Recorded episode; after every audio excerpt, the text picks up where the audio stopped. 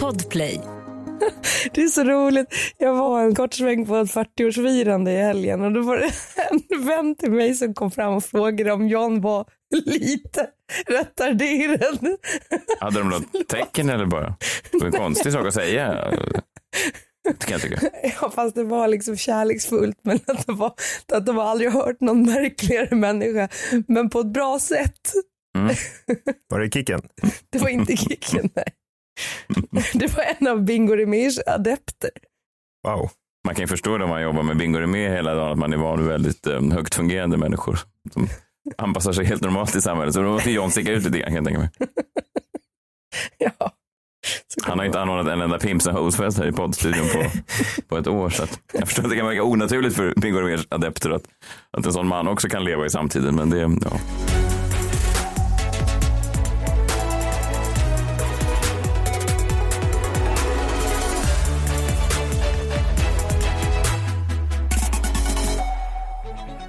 Live från eh, Stockholm, Sverige. Du lyssnar på D-Daily Messiah med mig, Messiah Hallberg. Klara Doktorov. John Wilander Lambrell. God morgon på er eh, glad Lucia, eller vad man säger. Eh, min son ska om bara någon dryg timme iklä sig pepparkaksdräkten, vilket känns ju väldigt spännande. Vi fick äntligen hål på de här PK-människorna som vägrade låta oss se ut som sådana brunbrända goda kakfigurer. Det känns skönt tycker jag. En seger mot PK-svinen. Fast jag är också team pepparkakor faktiskt. Vad fan är problemet? Varför ska man inte få klä ut sig till en god liten delikat kaka vi äter hela julen? Jag ska inte dra för stora växlar här, men ni vet, jag har ätit pepparkakor varenda morgon sedan jag var eh, liksom fyra, fem år gammal. När de tog bort pepparkakorna Du håller pepparkaksindustrin på dina axlar. Ja, men till exempel då när det var de här eh, kravallerna, då, till exempel Koranenkravallerna med Paludan då när han skulle bränna Koranen. Jag ska inte säga att det är exakt samma sak för, för mig med pepparkaksgubbarna, men jag kan förstå ilskan ändå, att man tar bort något som är väldigt heligt och att man, man hånar det och, och bespottar det. Alltså jag, kan, jag kan se en likhet där i alla fall. Alltså jag, jag skulle också kunna kanske stå utanför en förskola någonstans och bara slänga sten på en förskola just, om de har plockat bort pepparkakorna. Det är kanske inte exakt samma sak, men det är ändå det är väldigt personligt vad man väljer att brinna för. Så att säga. Och du brinner för pepparkakorna. Ja, ja, det gör jag. Någon ska väl göra det också? Ja, så det, det är faktiskt eh, det är skönt tycker jag. Det är skönt just det föll på min lott, för det är mycket mindre.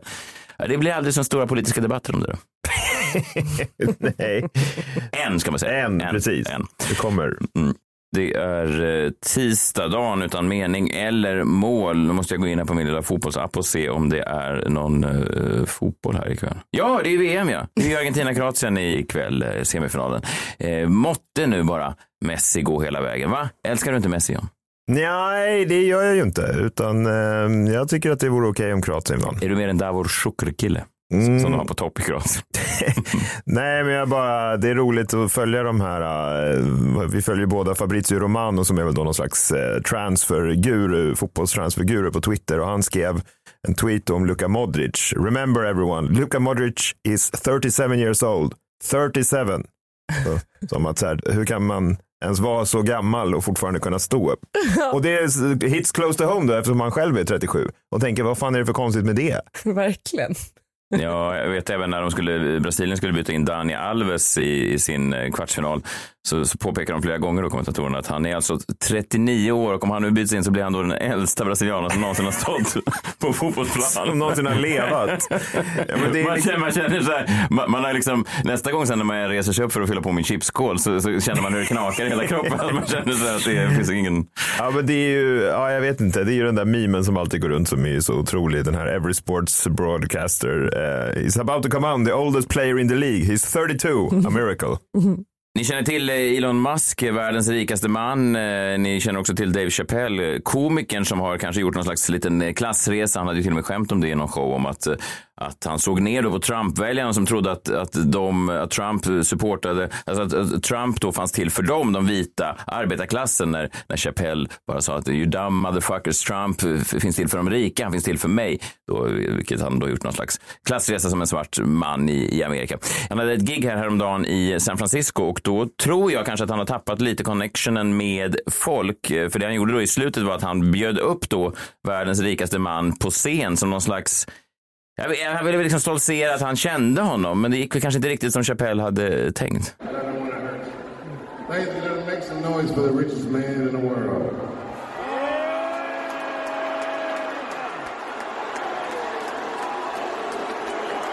Folk buade då ganska,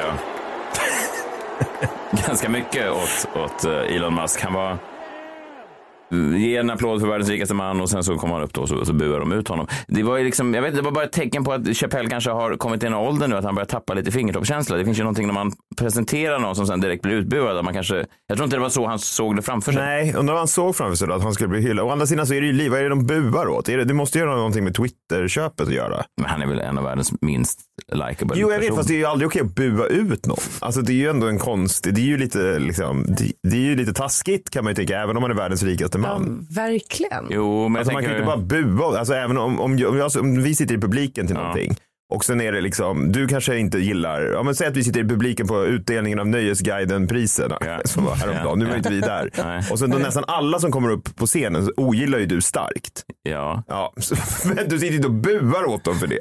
Ja, in, du in, in, invärtes gör Jo exakt, men Ja. du gör det ju inte utvärtes för du är ju liksom inte galen. Nej, men amerikaner är ju mer extroverta. Jo, eller bara liksom Men jag menar, amerikanerna bryr sig väl inte om Twitter? Det känns inte som det. Och de som bryr sig om Twitter, det är väl framförallt de som är republikaner och de är, har väl Elon Musk, han, han har väl deras rygg ändå. Han Ja. är väl republikan nu. Jo, jag vet, fast de som är på Chappelle är ju kanske inte republikaner generellt sett, eh, Ah, okej. tror jag. Och, eh, det som var lite roligt bara dock var att det delades ett klipp på det här på Twitter som Elon Musk precis har köpt och han köpte det då för att värna det fria ordet och free speech och allt det där. Jag delade det också, retweetade det och sen gick jag in och kollade på hur min retweet hade gått och då bara eh, några minuter senare så var klippet bortplockat. Så Elon Musk Eh, ja, det har väl sagts lite att han tycker att free speech är kanon så länge det inte är något negativt kring honom. Ja. är, väl, är väl det som alla då hävdar om free speech, så att man ska kunna skämta om allt, förutom just det som, som ligger mig nära. Ja, ja, men är det någon som förespråkar riktig free speech? Jag har aldrig hört talas om det. Alltså, rikt, det vill säga att man får säga vad som helst. Det måste ju vara free speech i dess essens. Ja. Det är det ju ingen som Men, förespråkar. ja, det skulle väl vara du då? Du är väl den närmaste i sådana fall, att förespråka något Jo men även jag kan väl tycka att så här, man kanske inte ska liksom, uttrycka nazism. Jag vet inte. Det, är- det är ju svårt liksom. Men ja, jag Jo, vill men- tro att jag är för free speech. Så länge det inte är hets mot folkgrupp, så det kan inte Ja fast då är det ju inte free speech. Det är ju det som alla använder. Och vad är, vad är hets och vad är folkgrupp? Det är ju verkligen en definitionsfråga. så att, alltså, vadå, är jag en folkgrupp? Är jag en del av en folkgrupp? Vadå, och vad är lite- hets? Alltså, du, vad skulle din folkgrupp, alltså vilka Nej, är jag med i den? Vegetarian, jag vet inte du. Sovande, slöa vegetarianer. Slöa smög du in där. Det vänder jag mig starkt emot. Sengångare. Nej, men jag- så att jag menar hets och folkgrupp, det är en definitionsfråga. Alltså man kan ju inte säga så här, men jag är för free speech, men det får inte vara hets mot folkgrupp. Då är det inte free speech. Nej, eller hets mot Mr Musk. Eller hets mot whatever, eller hets mot slöa vegetarianer. Vet du vad, det, jag väntar bara till den dagen tills vegetarianer i det jävla PK-samhället blir klassade som en folkgrupp och så måste jag stå i någon sån tribunal. Men det är ju du som klassar dem som en folkgrupp. Ja. Jag har ju aldrig tänkt så här, jag är en del av folkgruppen vegetarianer. Jag hatar andra vegetarianer, de är ofta märkliga. Du har ju en selleri tatuerad på vaden. Jo, men vad har det med andra vegetarianer att göra? Det är väl ert hemliga. Ja men du ser, det är ju du som ty- prackar på oss en grupp, så att det är ju du som gör. Ja, ja, ja, okej. Du hetsar din jävel. Ja, men jag står ändå upp för vad, vad, vad sa Voltaire sa. Eh, jag är beredd att dö. Det är fan inte beredd. Och det är inte var ju han heller. Var ju inte beredd att dö för någon annans jävla vegetarianåsikt var ju inte Var han. du beredd för min rätt att håna selleri? Nej, jag är inte beredd att dö för, för det. Men jag vill ändå tro att jag är för free speech. Även med ditt jävla vegetarian-tjafs.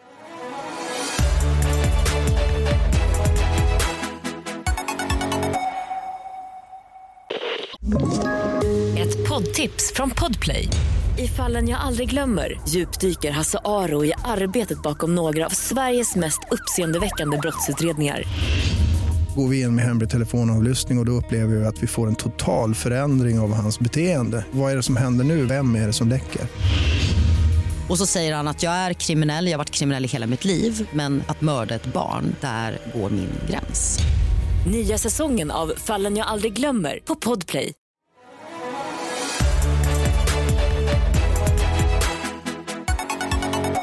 Okej, jag tänkte prata lite mer om eh, free speech i eh, minuten.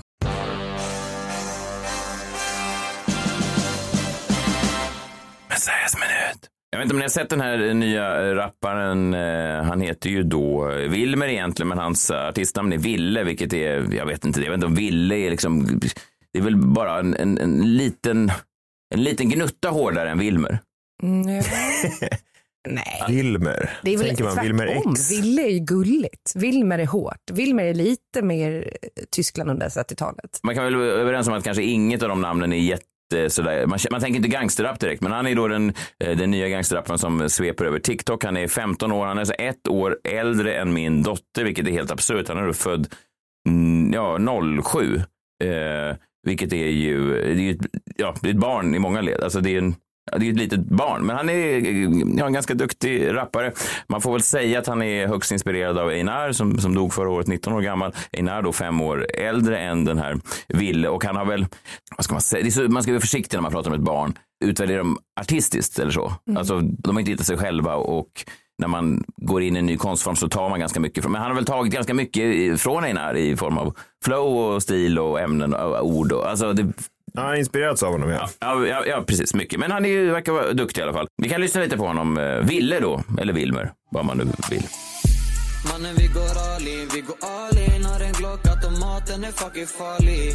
Mannen vi går all in, vi går all in. Har en gus, hon är jetski, hon är galning. Fuck folk bre, du får ingen varning. Knulla deras mor, kommer aldrig ända blacking Tänder på en holka, var stressigt hela dagen. Shunon ville beefa men nu ligger han i grop Ey jag här vi levererar Kommer med din vara. Och jag svär jag får dig stenad Bankar i ett labb och jag svär jag inkasserar. Glider upp med masken och rutan nervevad. Uh. Man kan ju säga vad man vill om honom, men eh, duktig uppenbarligen. Alltså talangfull. Ja, verkligen. Och det låter ju väldigt eh, Einar. Ja. Ja, det, lå- det låter nästan som att, alltså en direkt, alltså det, låter, det låter som en, en unreleased. Jag lyssnade ganska mycket på Einar efter han dog då, som han ofta Jag gör. jag. innan. Ja, det gjorde du. Det hedrar väl dig då. Det hedrar väl dig. Jag är mer en sån, eh, när folk går bort så. Och man får säga att Einar var en otrolig talang. Jag menar, man kan, jag ska inte gräva ner mig i det här, men jag menar folk som har sagt så här att gangster, svensk gangsterrap är dålig, eh, då drar man med alla i det. Och Einar var ju då 19 år när han dog och om man jämför med amerikanska artister, typ Eminem, så var ju Eminem inte i närheten av när han var 19. Just. Sen blev ju Eminem eh, fantastisk med tiden. Men just eh, om man kollar Eminems första skiva var han då kanske 23, 24, 25 och Infinite inte särskilt. Det var okej, men det var liksom. Så att jag tror att Einar hade blivit en, en, en otroligt begåvad rappare med tiden och det var han ju redan när han dog då. Och om Wille då vill ta, ta vid där så är väl det lugnt. Eh, det som är, är spännande med honom då, det som är spännande med den här 15-åriga rapparen är att hans föräldrar är då Sandra Dahlberg 43 och Jimmy Jansson 47. Nej, nej, du skämtar. Ja, det är ju alltså... Ja, det är... Man vet liksom inte riktigt vad man ska Nej, säga om nej, man vet inte vad man bara, man är flabbergasted. Ja, man, man får- inte ihop det. Man får inte ihop det där med det här. Vi kan gung, gung, gunga Vi kan sjunga kär Man får liksom inte... Bå, eh, eh, melodiska båda två. Fame Factory de är kända i. Precis, de blev ihop då i Fame Factory. Det var ju ett kändispar för 15 år sedan. Jimmy Jansson har ju, nu gör han ju massa låtar så han, så han är ju duktig och så vidare. Men om man ser en bild på honom så är han ju då, eh, ska man säga att han är motsatsen till gangsterrap? Alltså man, Ja, han är ju fortfarande mellolåtskrivare. Han har väl massa låtar med i mellon. ja men det är någonting bara, bara om man tittar gamla bilder på honom, bara hans frisyr är väldigt icke-mello. Och Sandra Dahlbergs eh, gangsterrap-frisyr är inte mycket bättre. Så här låter henne om man inte, så här låter hon om man inte känner igen henne. Jag tar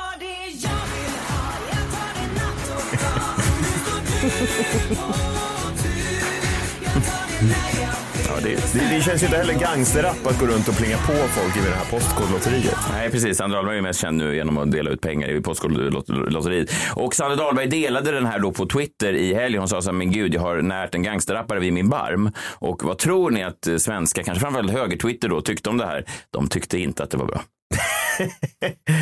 Eh, nej, Nej, ja, okej. några tyckte att man skulle knäppa honom direkt, sonen. Va? Oj, Andra ja, sa att eh, snart, snart knäpps han nog.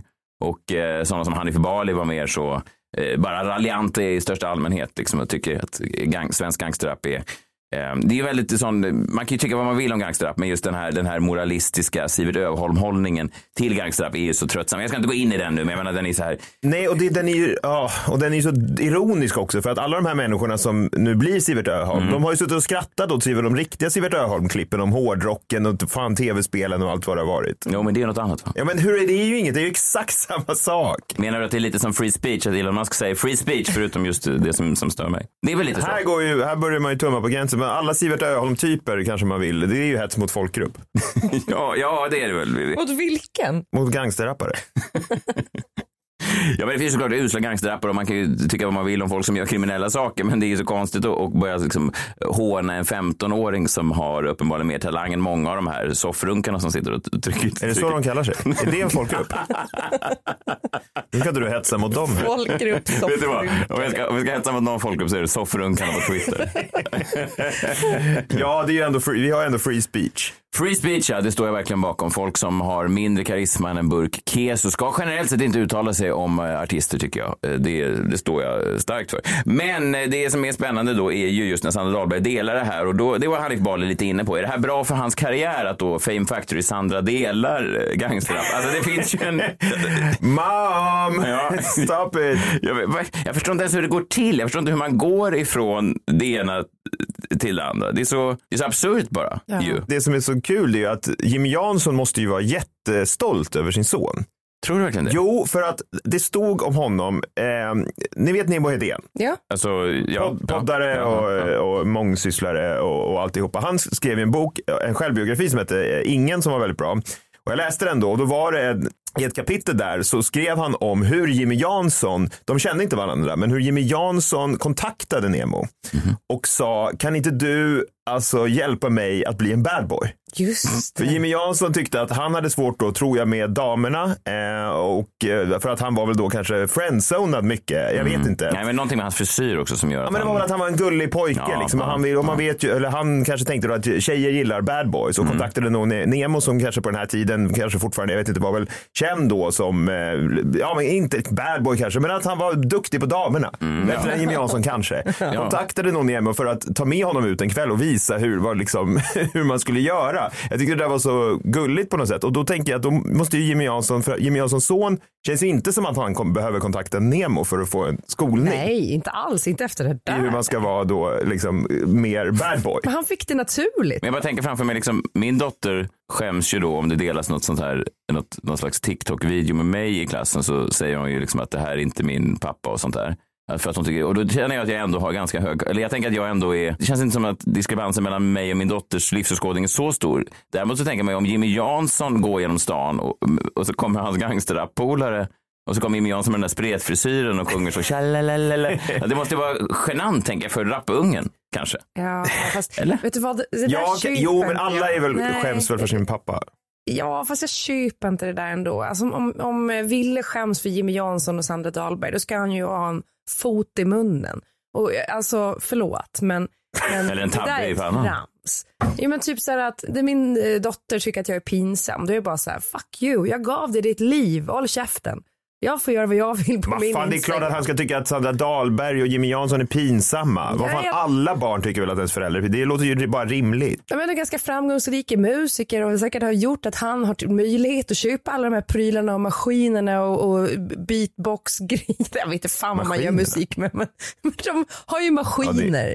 de, de spelar ju inte piano direkt. En gans, gangsterrappare har ju någon jävla beatbox-låda. det- Och något, en liten synt. Nej, men oavsett vilket så tänker jag bara att det, det finns ju en risk kanske att gangsterrap-imagen får en, en törn av Jimmy Jansson. Det, jag tycker bara, det är bara fascinerande. Jag tycker att han verkar duktig, Wille. Eh, Jag tänker bara att det är, en, det är kanske ett av årets mest, är det ett av årets mest häpnadsväckande ögonblick när man förstår att det gick, som, gick från, från det här Shunon ville beefa men nu ligger han i grop. och att det här kom då från... Jävla märkligt.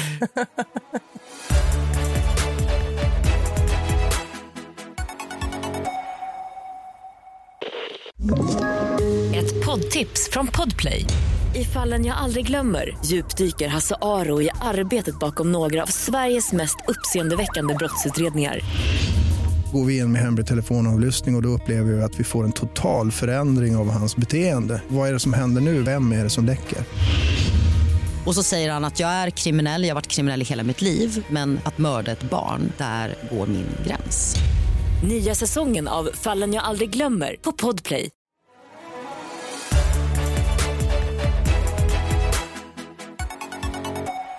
Det är också roligt att han växte upp först då när Sandra och de var ihop så växte de upp i Värmland och sen flyttade han då till en förort i Stockholm. Det känns som aldrig förr har skillnaden mellan stad och land varit så tydlig.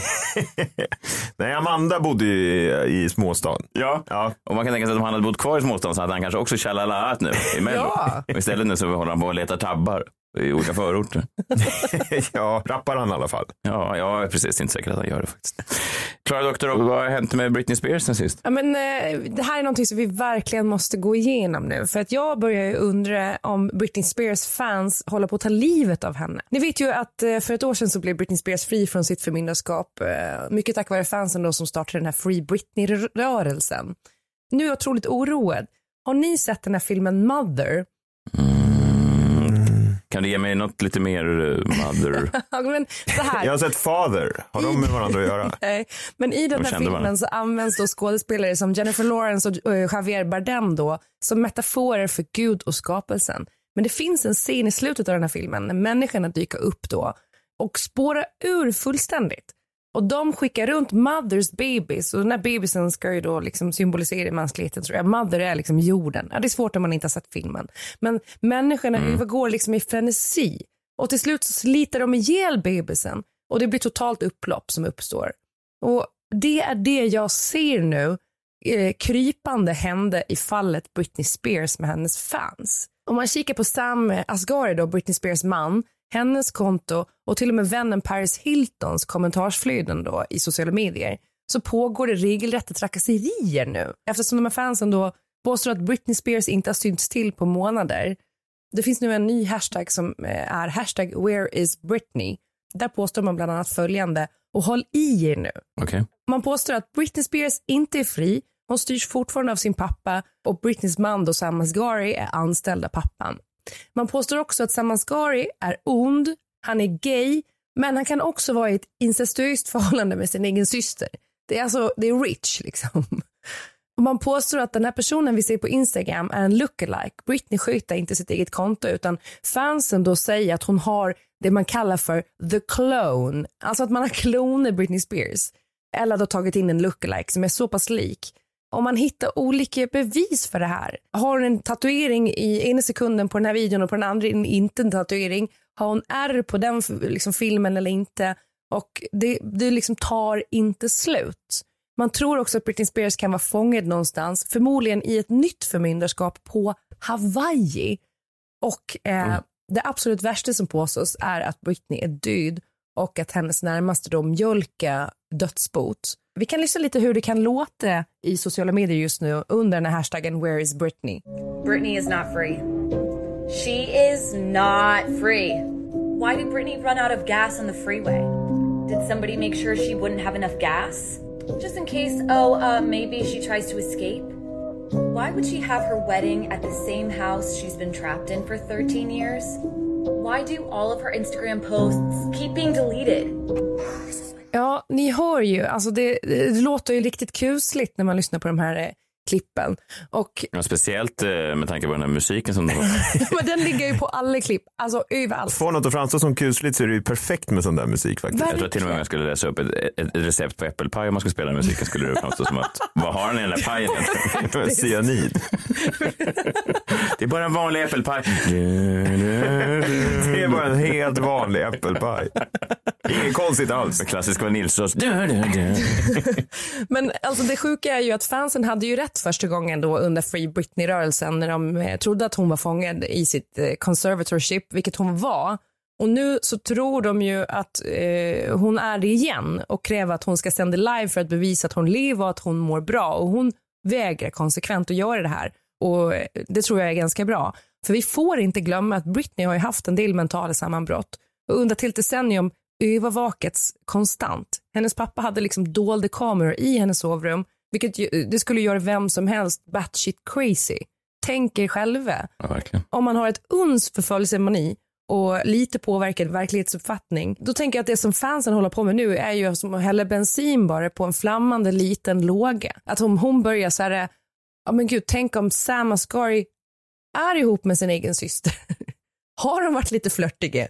Eller lever jag verkligen? Alltså till och med jag, Klara Doktorov, kan ibland undra om jag vaknar, om jag verkligen lever eller om jag bara är död. Alltså ni vet hur det kan vara. Jag vet inte var det här kommer att sluta. Vadå? Beror det på att du står här i studion och gör samma sak om och om igen? Är det det som bidrar till de här känslorna? av- Jag verkar- försö- försöker Det här helvetet. Så kan jag känna igen i den här skärselden. Att jag varje dag står här och fejkar entusiasm varje morgon 04.00. Ja, och man är, Är så här, mitt straff för finns något jag har gjort? Existerar jag? Är jag en robot? Är jag en maskin? Är jag klonen? Ja, men du vet, om vi tänker de tankarna, vad tror ni inte att Britney Spears gör då? Och jag vet inte hur det här kommer att sluta, men min magkänsla säger ju att det inte kommer att bli bra. Och därför så tycker jag att vi ska lyssna på den här gamle godingen som återigen har blivit väldigt aktuell. You're lucky she even performed for you bastards! Leave Britney alone! Please!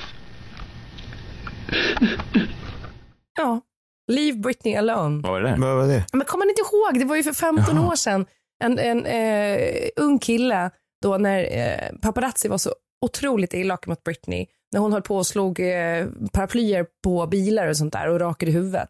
Så var ju den här killen som gick ut och, och, och bröt ihop i ett klipp som han la upp på YouTube tror jag. Eh, och det fick ju spinn. Leave Britney alone. Eh, men vad, hur, hur kan ni inte ha sett det? Jo, men jag har nog sett det, men det, det känns som att det var så mycket med henne genom åren så att man, man eh, har ju lite... 15 år är ganska lång tid också. Alltså för att minnas grejer. Det var när eh, Jimmy Jansson och Sander Dahlberg var ihop. Ja, det var ju där det. de hade, den enda gången de hade sex. Ja, och då tänkte tydligen Sander Dahlberg på något helt annat. Nemo. Jag vet inte, det är vad ryktena säger. det. Ja, ja såklart. Det var taskigt mot Jimmy. Vi ska också vara tydliga med vad Jimmy tänkte på. Han tänkte att det strax var dags att se på ett nytt avsnitt av Bumbibjörnen. Snabba på älskling, det börjar snart. Hipp hurra. Ja, förlåt. Nej, men det är intressant. Men vad, vad, vad tror du då, Klara? Vad jag tror? Ja, inte om Jimmy Jansson, men, men om Britney. Nej, om Britney, i värsta fall så tror jag att, att hon kommer att drivas till total eh, galenskap. Eh, hon kanske till och med kommer att försöka ta sitt liv, vem vet? Eh, det måste vara fruktansvärt att leva under den här stressen. Och sen också ha fans som i kommentarsflödena bara är så här, where are you? Are you live? Are you live? Are you live? Alltså, det är klart att, att det måste vara eh, fruktansvärt obehagligt. Och det är klart att hon också eh, vill vara hemma i sin villa. Hon vill väl inte gå ut och bli jagad bara för att tillfredsställa fans, galna fans. Det är som i filmen Mother, precis som jag sa till er. Mänskligheten blir galen, de tappar det. Det är fruktansvärt att se. Och sen i slutet så är det någon som sliter isär en, en bebis. Då. Ja, Och Britney är bebisen då? Britney är bebisen. Bara så vi knyter ihop det. Ja, nej, men det får vi ju hoppas inte händer. Jag gillar Britney. Ja, Jag gillar låtarna. Men hon, hon har ju gjort, har gjort comeback med den här låten med Elton John. Är det hon som sjunger då menar folk? Eller vad är liksom? Ja, men det menar de också att det här är fake för att eh, Elton John träffade aldrig Britney när de spelade in utan de hade bara eh, kontakt via e-post. Så det hävdar de också är eh, fake. E-post. E. Hur fan spelar man in en låt då? Det var tydligen, det var tydligen bara Elton John, Britney Spears och en nigeriansk prins som spelade in låten. De var på CC. Och Elton John ska strax få in 200 miljoner dollar på sitt konto.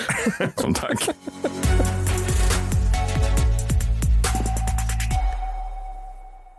Dags, Klara Doktorov, för eh, dagens lucköppning. Väldigt spännande. Idag har vi kommit till Danmark och det här är så roligt för vi ska testa den danska julaftons specialiteten Brune de kartoffel. Jag vet inte om man uttalar det så heller, men Brune de kartoffel det är då sockerstekta potatisar. Och det här äter man på julafton i Danmark till fläskstek. Det är helt sjukt, ni kommer inte tro mig nu, men man kokar potatis. Sen häller man upp socker i en panna som man låter karamelliseras. När den har gjort det, då ska man i en klick smör och sen ska man i potatisarna och så ska de här få gå runt och så blir de sockerkaramelliserade potatisar. Nästan som en dessert. Alltså jag ska ha 200 gram socker till ett kilo potatis. Det är otroligt. Och sen ska vi äta det med fläskstick, Men jag har ingen fläskstick så jag har valt köttbullar istället. Eh, men vi sätter igång och lagar. Brunade kartoffeln, alltså brunade kartoffeln, de har man ätit sedan 1800-talet och det var så att i Danmark så ville man på den tiden egentligen ha kastanjer som man liksom karamelliserade, men man hade inte så mycket kastanjer. Så då gick man över till potatis istället, för det är tydligen fattigmanskastanjer i Danmark. De tänker ju inte riktigt som vi i Danmark, men jag beundrar dem ändå för den här uppfinningen, för jag tror det här kommer vara otroligt gott. Undrar du vad jag lagar? Ja, Mm, det ska bli dansk sockerpotatis. Vet du hur man gör det? Nej. Man har skitmycket socker på potatis och smör. Så det kommer att smaka som efterrätt tror jag. Är du peppad? Ja. Kul. Konsistensen är ju lite som att jag eh, har lagt ner potatis i knäck. Och nu måste man röra runt i 20 minuter. Men det är verkligen socker och smör som blir som knäck och sen rullar man runt potatisarna i det här. Otroligt märkligt. Ja, då ska vi provsmaka barn. Ja. Dansk sockerpotatis. Ja. Mm. Mm. Men den var ju jättegod. Mm. Wow, bra Danmark. Ja, det är bättre än Finland, eller hur? Men man måste ändå säga att det smakar ju som potatis eh, som man har rullat i knäck. Och det är ju precis det det är. Så um, eh, gillar man det, men till liksom en fläskstek eller en vanlig stek eh, med lite gräddsås, det hade varit väldigt gott. Mm, de, eller hur? Sam tyckte också då. Tummen upp. Tummen upp.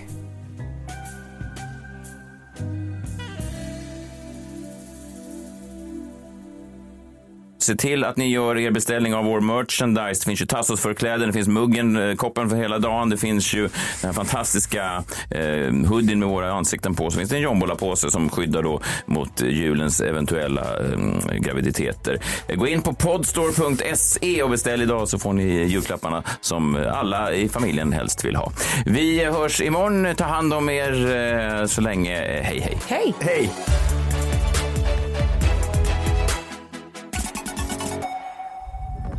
Podplay, en del av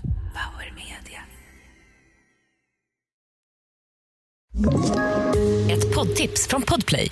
I podden Något Kaiko garanterar östgötarna Brutti och jag, Davva, dig en stor dos skratt.